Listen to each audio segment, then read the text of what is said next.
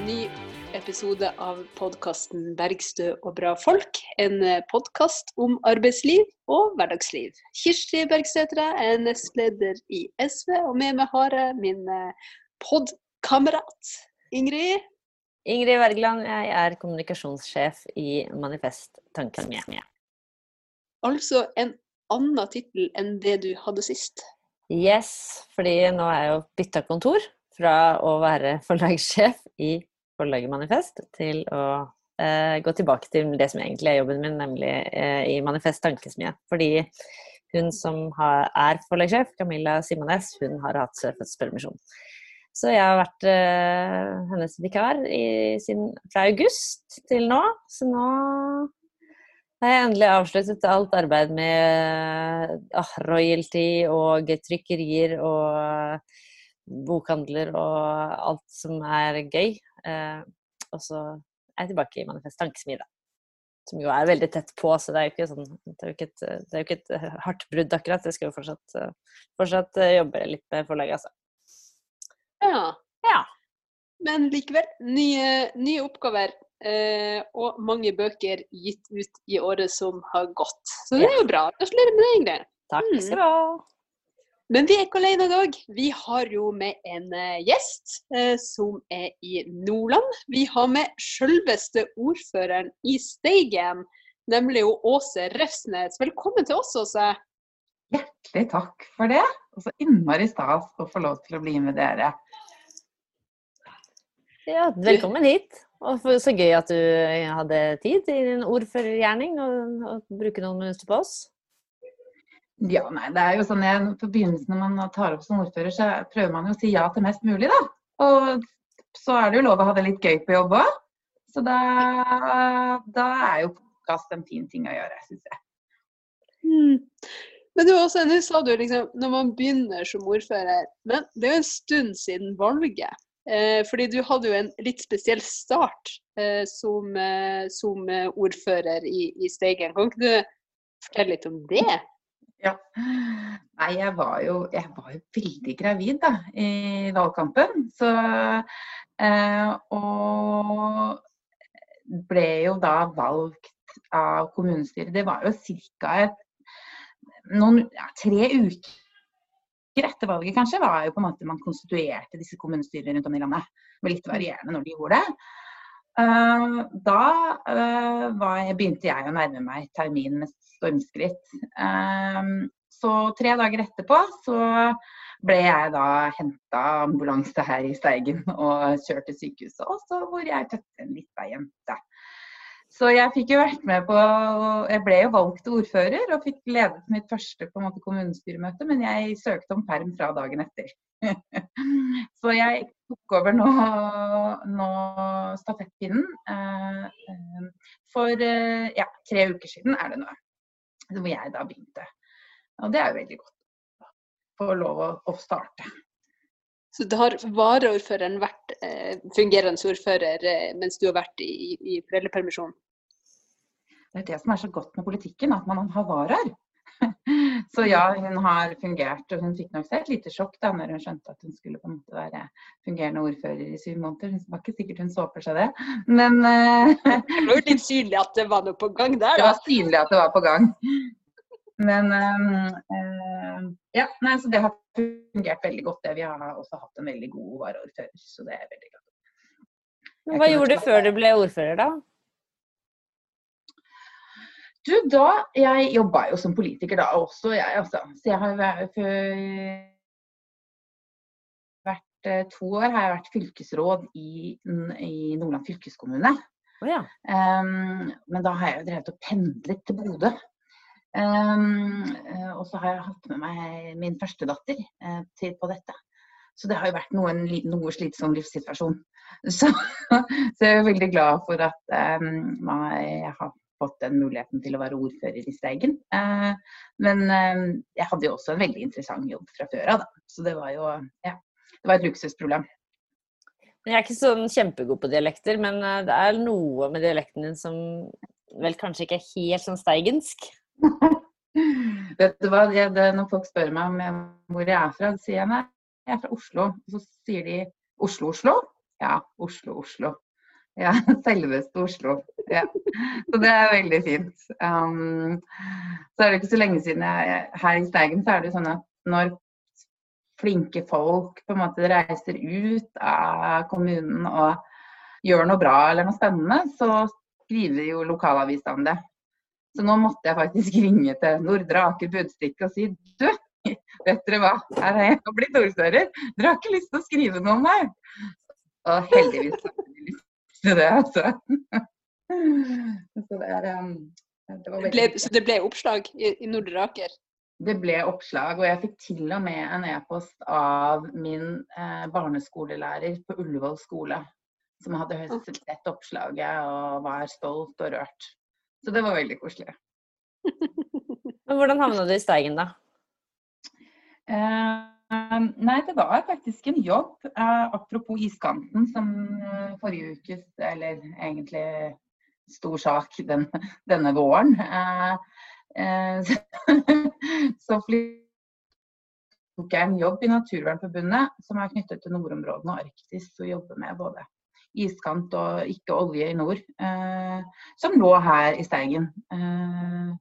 Så da tenkte jeg ja, ja, det var en bra jobb. Jeg tar med meg bagen og flytter, og så har det balla litt på seg. For å si det sånn. Fordi du møtte flere bare kollegaer der, er det det du prøver å si? Nei, det var, du, sitter, man sitter med, med, med, med hus og, og, og, hjem. Og, ja, hus og hjem og to biler og båt. Og, ja, det ble, og vi hadde hund, og nå har jeg to barn. Så ja. Det ble jo, ble jo mye. Så nå er, nå er jeg ja. Men du Åse, kan ikke du fortelle oss litt om Steigen? Hvor, eh, hvor, det ligger og hva som rør seg hos eh, dere ved lokalsamfunnet deres?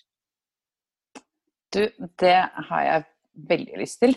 Um, Steigen er jo kanskje kjent som Dom Nordlands ukjente perle. Uh, ligger rett nord for Bodø og rett sør for Lofoten. Så der er det et lite stykke Norge som er et fantastisk sted. Um, og vi har jo gleden av å se egentlig hele Lofotveggen, uh, som ofte blir sagt at liksom er det beste med, med, med, Lofoten. Det ser du jo fra Steigen, så det er litt artig, da. Um, her er det jo, mener jo jeg, da, at uh, det gode liv kan leves til det fulle. Eh, vi bor jo rett eh, ved havgapet med ekstrem vakker skjærgård og, og høye, fine fjell, da. Så veldig fornøyd med det og har jobba litt mye i min tid for å gi flere muligheten til å bo akkurat her. Og vi er litt motstrøms. For SSB, som også la fram nylig sine befolkningsfremskrivninger, eh, de sier jo at vi skal være betraktelig færre enn det vi er i dag. Eh, så de, mener liksom, de mente at i, dag, i, år skulle vi være 2400, men vi er 2006. Så det er eh, folketallet vi er på i dag. Um, men uh, til tross for at det er et flott sted å bo, så har vi jo noen utfordringer. Som en liten distriktskommune i Norge. Vi er ekstreme av store avstander. Ehm, men eh, det jeg vil si vi, vi, kan ikke gjøre så veldig mye med geografien. Uh, geografien er sånn som geografien er. Og fjordene går der fjordene går. Uh, så vi sliter hardt med uh, å kunne gi gode kommunale velferdstjenester til, til befolkningen vår. Altså god skole, god omsorg. Og jeg syns det er kjemperart ja, at, det ikke har, altså, at det ikke er et kommuneopprør gående. Eller det rareste er at det ikke har vært før. Nå begynner kommunene å på en måte hardt si ifra at dette går ikke eh, lenger. Eh, men eh, veldig rart at det ikke har skjedd før. For vi har kuttet og kuttet og kuttet, og dette er ikke måte noe sånn sløsing i, eh, i, kommunal organisasjon. Det er rett og slett eh, det basis det folk trenger hver dag, og det er skole, barnehage og eldreomsorg. Um, helsestasjon Altså, jeg kan bare fortsette, men det vet dere jo godt. Uh, så det er jo på en måte primærbekymringen vår. Uh, og vi må stå og kjempe for hver bidige krone for å kunne tilby de elementære velferdstjenestene som kommunen tilbyr. Men er det hovedsakelig avstandene som gjør at det er ekstra vanskelig? Du nevnte med skole og eldreomsorg. Det er jo selvfølgelig eh, en utfordring når vi har eh, så store avstander eh, at det ikke vil være naturlig å f.eks. ha én skole eh, i på en måte midten av kommunen. Eh, for avstanden blir rett og slett for stor å ha en daglig transport av seksåringer eh, i halvannen time hver dag. så det er selvfølgelig, det koster. Eh, så har man jo gjort noe på gode grep på f.eks. Eh, helse- og omsorgstjenester, som er tjenester man ikke på en måte, oppsøker hver dag. Eh, og som det er på en måte kan si sånn sentralisering, ja. fordi noen ganger kan sentralisering være bra. Men sentralisering kan ikke være bra på de på en måte basistjenestene som man bruker ofte. Um, så det er jo store utfordringer knytta til det, akkurat det. Hvor mange barneskoler er det i Steigen, da?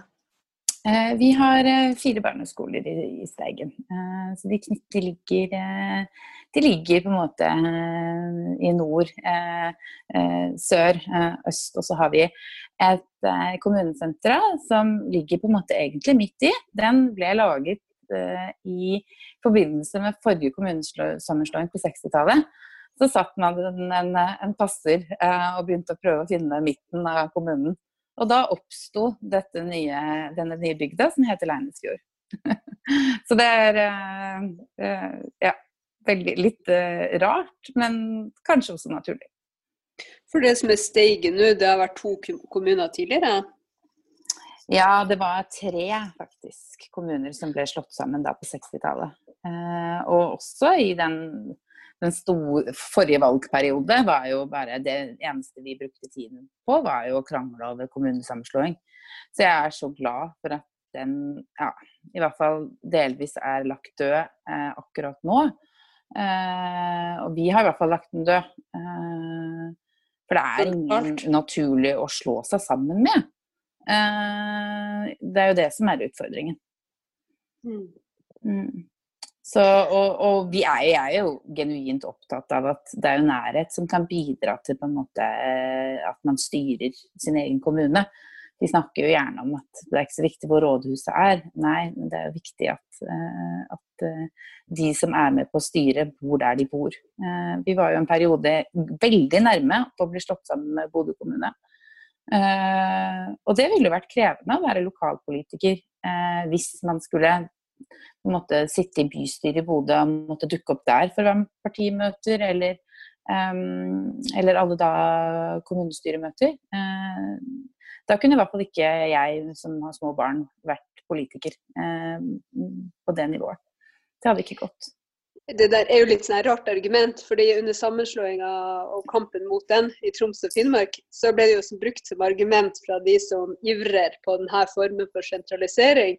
Eh, så brukte de som argument Ja, når var du sist på fylkesbygget, da? som, som, det er det det handler om. ikke sant? Hvem, hvem var sist på Stortinget, da? Å ja, mm. nei, eh, betyr det at folk flest ikke eh, vandrer rundt på Stortinget, altså vi bare skal styre fra Brussel? Eh, mm. Så det er noe med dimensjonene i den der debatten. For det er klart at størrelsen har jo noe å, å si for nærheten til tjenestene også. Og kjennskapen til de ulike lokalsamfunnene i, i kommunen. Men også du snakka litt om at her må man bare kutte og kutte og kutte. Jeg, jeg har lyst til å høre litt mer om det. fordi er det sånn at dere må, eh, at, at, det er dårlig kommuneøkonomi over tid, eller er det spesielt nå når koronakrise har slått inn i kommunene og blitt ei kommunekrise? Mm. Hvordan har utviklinga vært hos dere der? Jeg tenker jo at koronakrisen bare på en måte ytterligere viser eh, den sårbarheten kommunene står i. Eh, for de har ikke noe handlingsrom å sette inn. Eh, man ligger akkurat på en måte og balanserer budsjettene. Eh, eh, så når man får på en måte noen, de store ekstrakostnadene alle kommunene har hatt, eh, med å ha ekstra beredskap i helse og omsorg. Masse bakvakter. Man har vært jobba mer. Det er helt klart at dette koster i de, de, både de månedene vi har vært i, og i de månedene eller årene som kommer. For det, er, det, har, vært, det har jo vært over år en, en, et kutt til kommunene, samtidig som det har vært pålegging av ekstra oppgaver. Eh, nylig så fikk kommunen også f.eks. pålagt at vi skal ha ansatt ergoterapeut. Og ikke noe mot ergoterapeut, det vil være sikkert veldig bra det, men det jo, følger jo ikke noe penger med.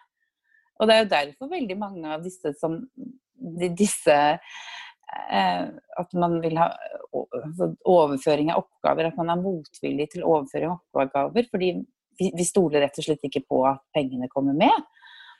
Um, så det er um, Og så blir jeg jo rett og slett provosert da, når jeg sitter og hører regjeringen si at nei, nei, nei, de, de, kommunene får mer, de. Ikke sant? De, de, de, prøver å dekke over det som om alt er bra der ute. Uh, men jeg, jeg, det er ikke mange ordførere jeg snakker med som, som, som sier at på en måte her er alt bra.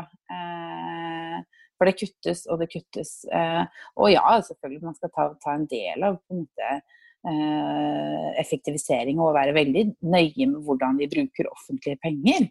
Det vil være klart, men dette er penger som går til, til elevene våre for å kunne drive, måte, drive, med For å nå de målene de skal ha i skolen. Um, og det er veldig bra at de bruker gjenbruksmaterialer i sløyden med tanke på miljø, men det skal ha muligheten til å kjøpe inn basis læringsutstyr. Og sånn er det ikke. Og dette skaper en forskjell i Norge mellom hvor folk kommer fra. Og det kan vi rett og slett ikke akseptere, eh, mener jeg da. For dere opplever at det er en veldig stor avstand mellom det regjeringa sier eh, og det som er virkeligheten i Eh, i lokalsamfunnet og i kommunen når det gjelder økonomi. For vi hører jo regjeringa si på hvert eneste statsbudsjett som legges frem, at nå har, eh, har kommunene fått mer penger. Mm. Ja, altså jeg, jeg, jeg, jeg, ser ikke den virkeligheten i det hele tatt. Eh, at, man, at, man, at, man, får mer når det, det stadig kuttes. Og her er det jo på en måte nøkler som henger sammen. Da. Og, og, og, hvis man er jo på en måte faktisk satt i en situasjon hvor hver kommune må kjempe med nebb og klør for alle inntektene man hadde. Det er jo ikke så lenge siden f.eks. at eh, man foreslo å, å, gjøre noe med inntektene fra, eh, fra, fra vannkrafta. Eh, fordele det mer utover. Og jeg forstår jo veldig godt alle eh, kommunene som sitter med vannkraft i dag. De er ikke interessert i å gi fra seg en krone, fordi de, de trenger de, kron, de, få kronene de har. Eh, så her sitter man på en måte og kjemper. Det samme har vi nå knyttet til eh, ny fordeling eh, av skatt fra havbruksnæringa. Som, var oppe bare nå, eller som er oppe nå til behandling. Hvor vi risikerer å bli fratatt titalls millioner kroner i året. Penger som igjen da vi bruker til denne grunnleggende velferden, som staten bare tar. Og da igjen eh, Hvis det hadde vært sånn at vi, det gikk bra, så hadde det kanskje vært greit, men det går ikke bra. Og da må man virkelig si fra. Fortell mer om disse pengene fra havbruksnæringa. Det, det, var jo litt at Jeg syns det var ganske frekt eh, fra regjeringens side nå og i forbindelse med revidert nasjonalbudsjett så la de fram et forslag om en ny skattlegging av havbruksnæringen. Det er jo noe som har blitt diskutert i flere år, eh, og som endte opp nå med en produksjonsavgift, som, altså en, en avgift som per kilo fisk som produseres, som skal gå til kommunene. Så det er jo veldig bra. Men samtidig som de gjør dette her, så bruker de andre mekanismer på å fordele penger mellom stat og kommune, eh, som gjør at staten sitter igjen med mye mer enn det kommunene gjør. Så vi har jo sett for oss og blitt forespeilet hele tiden at denne skatten skulle jo bidra til mer penger til kommunene, mer stabile inntekter. Men nå ser det ut som at vi får færre. Og det frekkeste av alt er at de tar fra oss penger i budsjettåret 2020. som vi er halvveis inni. Så bare plutselig Nei, det får dere ikke. Og jeg vet ikke hvordan dere driver med inntektsbudsjettering, men sånn holder vi ikke på. Um, så ja, jeg er eh, mildt sagt rystet over uh, hva de holder på med.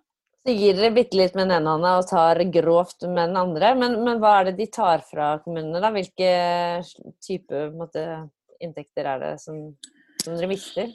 Mm dette er jo ganske komplekst, denne type eh, måte, skatteleggingen og inntektssystemet fra havbruksnæringa. Men det er hvert på en måte andre år så selges da nye konsesjoner eh, eh, som næringa får. Og det er eh, inntektene fra de eh, konsesjonene som nå eh, før har tilfallet primært kommunene, som nå primært skal tilfalle staten. Da. Så de de vrir litt på den nøkkelen. Mm. Ja, fordi Fortell litt om uh, Nå er vi jo inne på det som du snakket om i sted, eller indirekte. da, Du, du fortalte jo at uh, eh, SSB ikke klarer å følge med engang på hvor mange som bor hos dere. For det folk elsker å bo i Steigen. hva, men hva, hva, driver dere med der oppe? Hva, hva, er, det, hva er, det, folk lever av? Nei, vi, vi, vi lever jo primært av naturen. da, eh, Primærnæring. Eh, landbruk, en stor landbrukskommune. hvert vært en stor fiskerikommune. Eh, er ikke like stor lenger. Det er jo et, eh, et tema vi, vi, liker å snakke om. Der er det noen utfordringer som er strukturelle vi må ta tak i. Og så har vi vokst ganske, ganske store på akkurat havbruk. Så det er jo det. Og så er vi jo ganske attraktive som reiselivsdestinasjon. Så også reiseliv som begynner å å ta seg opp som, eh, som en stor næring eh, her i kommunen. Ta landbruket først. Hva slags landbruk er det i Steigen? Nei, det er, eh, det er, egentlig veldig variert. Det er Vi har store potetbønder. Vi har De fleste er jo melkebønder. Men ja, ganske Rett og slett ganske variert landbruk. Så som, som, gjør det veldig bra. Eh, så det er jo og Vi har god rekruttering til, til, til eh, bondeyrket, og det er veldig gledelig.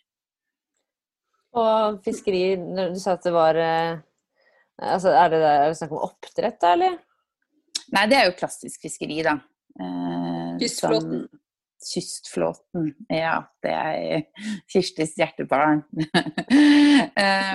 så det er jo absolutt en, en, en, verdt en veldig viktig næring i kommunen. Eh, og fremdeles er det, og sysselsetter mange.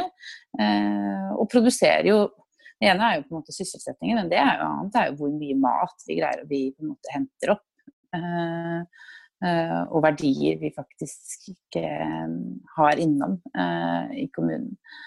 Eh, så jeg bor selv i en, en fiskeribygd her ytterst da, i sør i, i Steigen. Eh, jeg er samboer med en fisker. Eh, så det er en de, de, er jo de er jo arbeidsomme folk, det. Men det er jo noen utfordringer med rekruttering. For det er jo store på en måte, Det er jo, noen, det er, det er noe gærent med fiskeripolitikken. Det vi jo, kan vi jo være enige om, kanskje. Og hvor det er rett og slett for vanskelig for å komme inn eh, og, og, og, leve av det. Eh, sånn at eh, Der må vi gjøre noe for å faktisk ikke at, at det faktisk er Kystflåten vil fortsette å eksistere langs nordlandskysten og, ja, og alle andre fylker. Mm. Fordi det er sånn at ungdommen vil inn i fiskeriene i Steigen? ja. Ja, mm. for det er jo mm. det som egentlig er erfaringene fra alle kystsamfunn. At hvis det bare er mulig å, å få kvote og båt eh, til eh, en levelig pris, så vil jo ungdommen inn. Og det er jo det som er paradokset. For lenge så hang det jo en sånn myte ved fiskeyrket om at hei, nei, ungdommen så helt andre plasser, ville gjøre helt andre saker og ting. Eh, og så viser det seg jo at bare det er mulig, så vil jo folk drive med fiske. Eh, og det er det som er så vilt. altså Man har de store verdiene rett utenfor eh, stuedøra. Og så skal man eh, ha en politikk som gjør at det er noen få som skal ha muligheten til å kjøpe tilgangen til dem.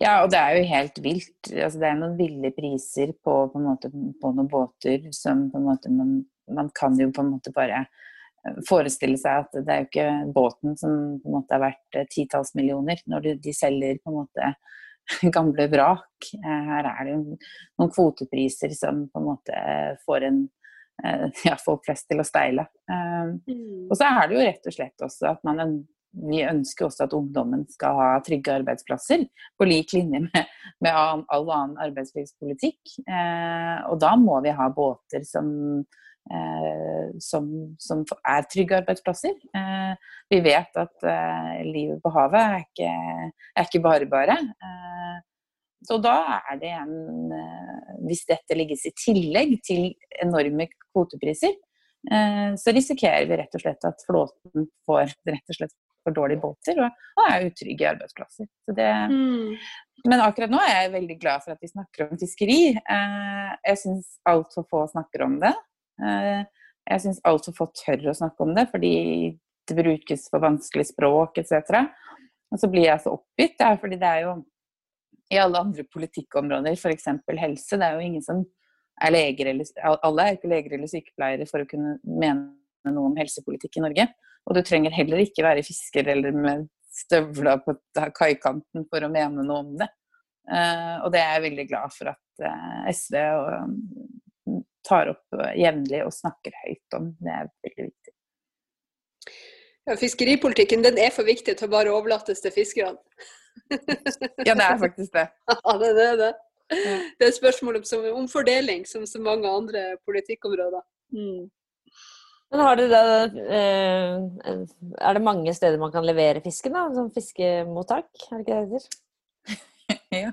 ja da. Du, du, det, men igjen, liv deg utpå. Ja, ja, ja. Men, altså, Selv om du ikke vet. Altså, det vet altså, vi, har jo hatt, eh, vi har jo hatt flere, flere programmer om, eh, om, om fiskeripolitikk og jeg er jo også stolt eh, forlegger av boka 'Fiskehistorier' av Henning Rød, som handler om fiskeripolitikken i Norge. Så jeg er ikke helt på, på, på, jordet, eller til sjøs.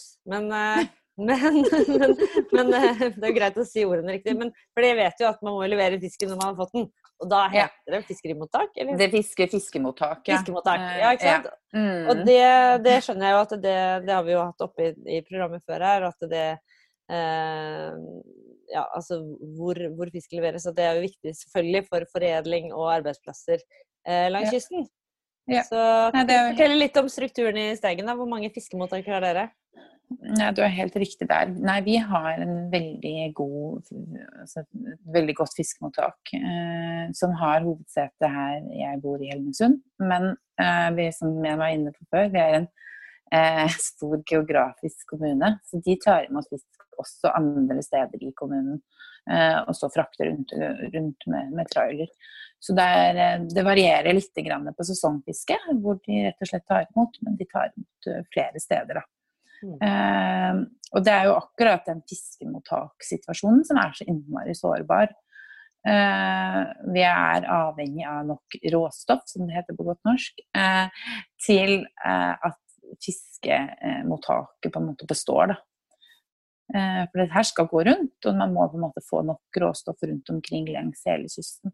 Og da er det jo avhengig av at, fisker, at det er et antall fiskere på havet, gjerne hver dag, da, eh, eller så mange dager det er hver, til å faktisk få den på en måte det råstoffet de trenger for å tjene penger. Eh, så det er jo der sårbarheten er, når vi, vi blir færre og, og, flåten blir eldre og eldre. Da snakker jeg ikke om båter men om ja, fiskerne. Mm. mm. Fiskerne. Mm. Fordi det, dette er jo bare for å være helt sånn eh, konkret. ikke sant? Fiskerne stikker ut og fisker, kommer tilbake til fiskemottaket med masse fisk, leverer det, og da foredles den på fiskemottaket? Eller sendes den da bare videre, eller hva skjer eh, hos dere? Det varierer litt på både sesong og på art. Eh, så det er jo noe som saltes og og noen som henges. Og det her varierer jo litt også fra sted til sted. Og, og hva slags egentlig salg de har eh, ut til de internasjonale markedene som mye av fisken går til.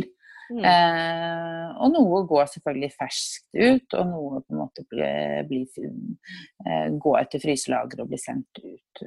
Så det, det varierer litt, grann, rett og slett. Eh, og, og, det er jo Vi snakker jo ofte om de på en måte kvotebelagte fiskene, eh, men det er jo, det er jo et, det er et ekstremt kan vi si, mangfold av fisk.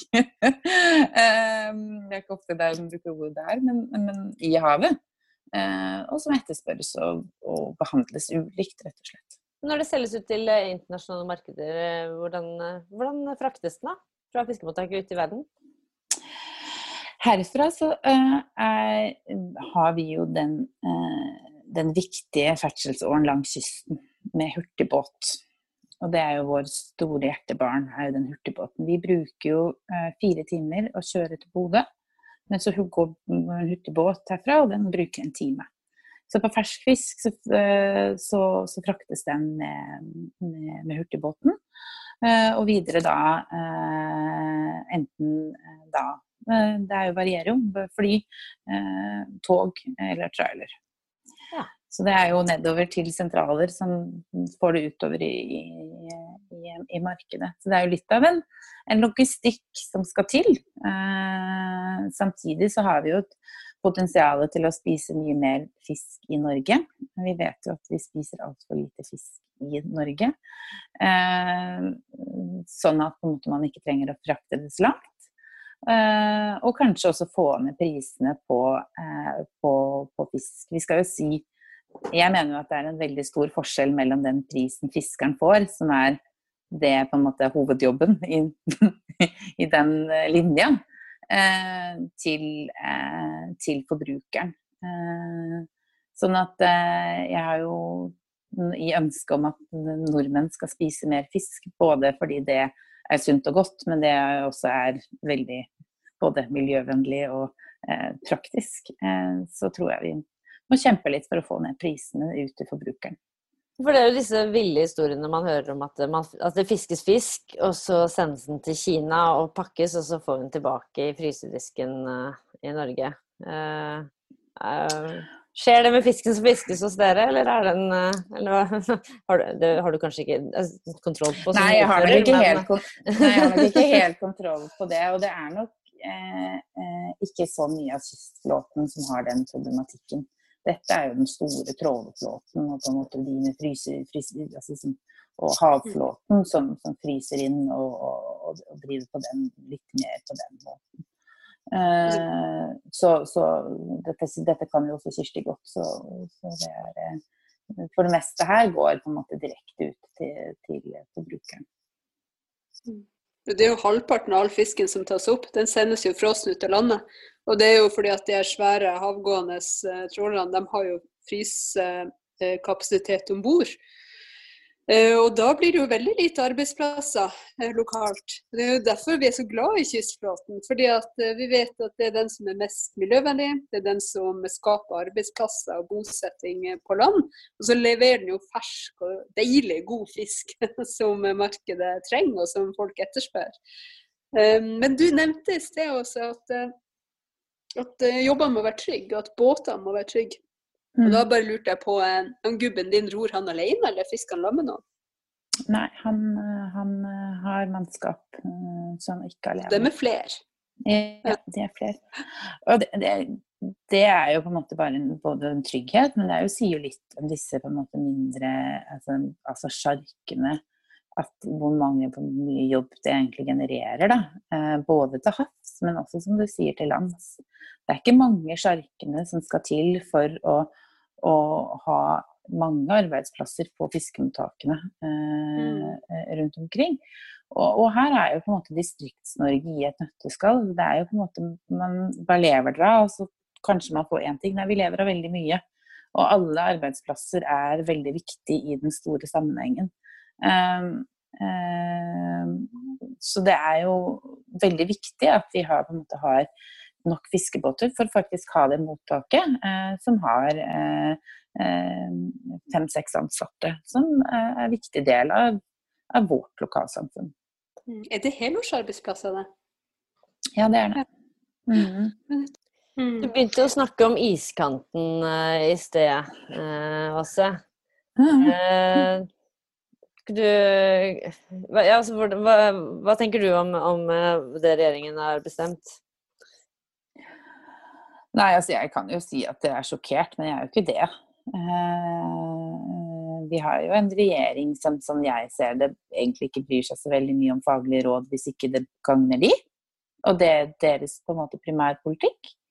Uh, og det er jo her Jeg syns det er jo helt galskap. Altså, vi vet jo at man ikke kan uh, rydde opp et oljesøl i isbelagte områder. Som én konstatering. Det, det, det er et anerkjent faktum. Og så nummer to så er det på en måte står vi for overfor den største klimakrisen i Ja, vi står overfor en enorm klimakrise. Skal de benytte på en måte dette til å bore etter olje enda lenger nordover når iskanten eh, ja, en, eh, ja, ligger der og Ja, nei, det er eh, jeg, jeg, fatter det ikke. Eh, at eh, det her skjer, men eh, det er jo politikkens realiteter, da. At vi har vel noen annen, uh, ulike ut, inngangsvinkler til dette her. Men jeg er i hvert fall veldig glad for at, og, og skjønner at uh, det er SV jeg tilhører. Så ja, hvis det noen gang var noe tvil om det. Men fordi Du sa at det var nesten det som tok deg til Steigen i utgangspunktet? Var en, uh, at du jobba der oppe for, for Naturvernforbundet, var det det du sa? Ja, det var det stemmer.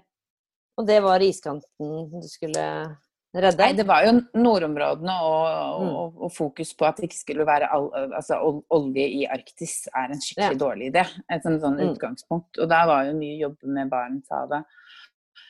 Uh, og de omgangene som gikk der, og iskanten da vi begynte altså, like, Den debatten var jo ikke like het da. Mm. Men uh, det var absolutt det, dette som var på en måte temaet, hvor jeg bare skjønte at dette, dette må vi jobbe for at det ikke skal skje, da. Mm. Så ja. Men føler du deg trygg på, trygg på Lofoten, Vesterålen, Eh, er fri for eh, oljeboring, da? I framtida? Ja. Man skal jo aldri ja, ja, ja, men man skal aldri være Si aldri, si aldri. Altså, nei. Jeg tenker at uh, den kampen er, er forhåpentligvis vunnet for godt. Uh, ja. Det er jo vanskelig å se hvilket regjeringsalternativ som skulle kunne åpne opp for det. Det måtte liksom være Høyre og Arbeiderpartiet eller, noe sånt eh, som, skulle, som, skulle, gjort det. Eh, så eh, at det henger ut sånne banner fra Venstres hus der det står sånn Olle fikk Lofoten, Vesterålen og Senja, så tenker jeg sånn Ja, det er veldig viktig å feire den seieren, men det er også viktig å ta kampene videre.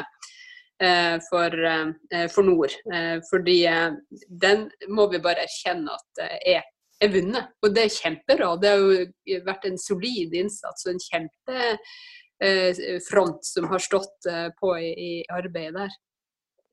Men jeg har, jeg har sett at, at dere har drevet og mobilisert for den videregående skolen deres. Nå er, jo, ikke det kommunen sin, det er jo fylkeskommunen som, som styrer med dem. Eh, men jeg har registrert at eh, dere har hatt et, eh, et type engasjement knytta til tilbudet der. Og som gikk bra. Ja. ja. Inntil videre så går det bra. Nei, dette er jo Dette er vanskelige saker også så når det gjelder videregående tilbud rundt omkring i landet vårt. Vi, selv om Steigen går litt motstrøms på befolkning, så går, er det jo alvorlige, eh, en alvorlig befolkningsutvikling vi ser både i Nordland og, og i Nord-Norge. Eh, eh, hvor eh, vi får færre og færre 16-åringer. Eh, Eh, så er dette eh, da en, på en måte en liten trussel mot veldig sånn desentralisert videregående opplegg som vi har. Ehm, det eh, dette er jo litt komplisert, men vi jo, har jo hatt en, en, en, yrkesfaglig linje som er helt unik, som heter Steigen-modellen.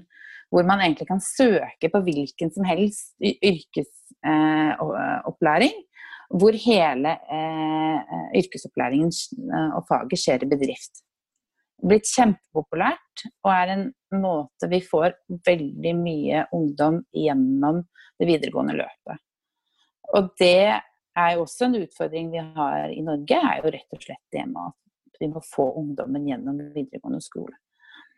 Um, og her, når man bor så desentralisert som Steigen er, så er det jo det eh, alternativet å flytte på hybel et annet sted når man er 15 år.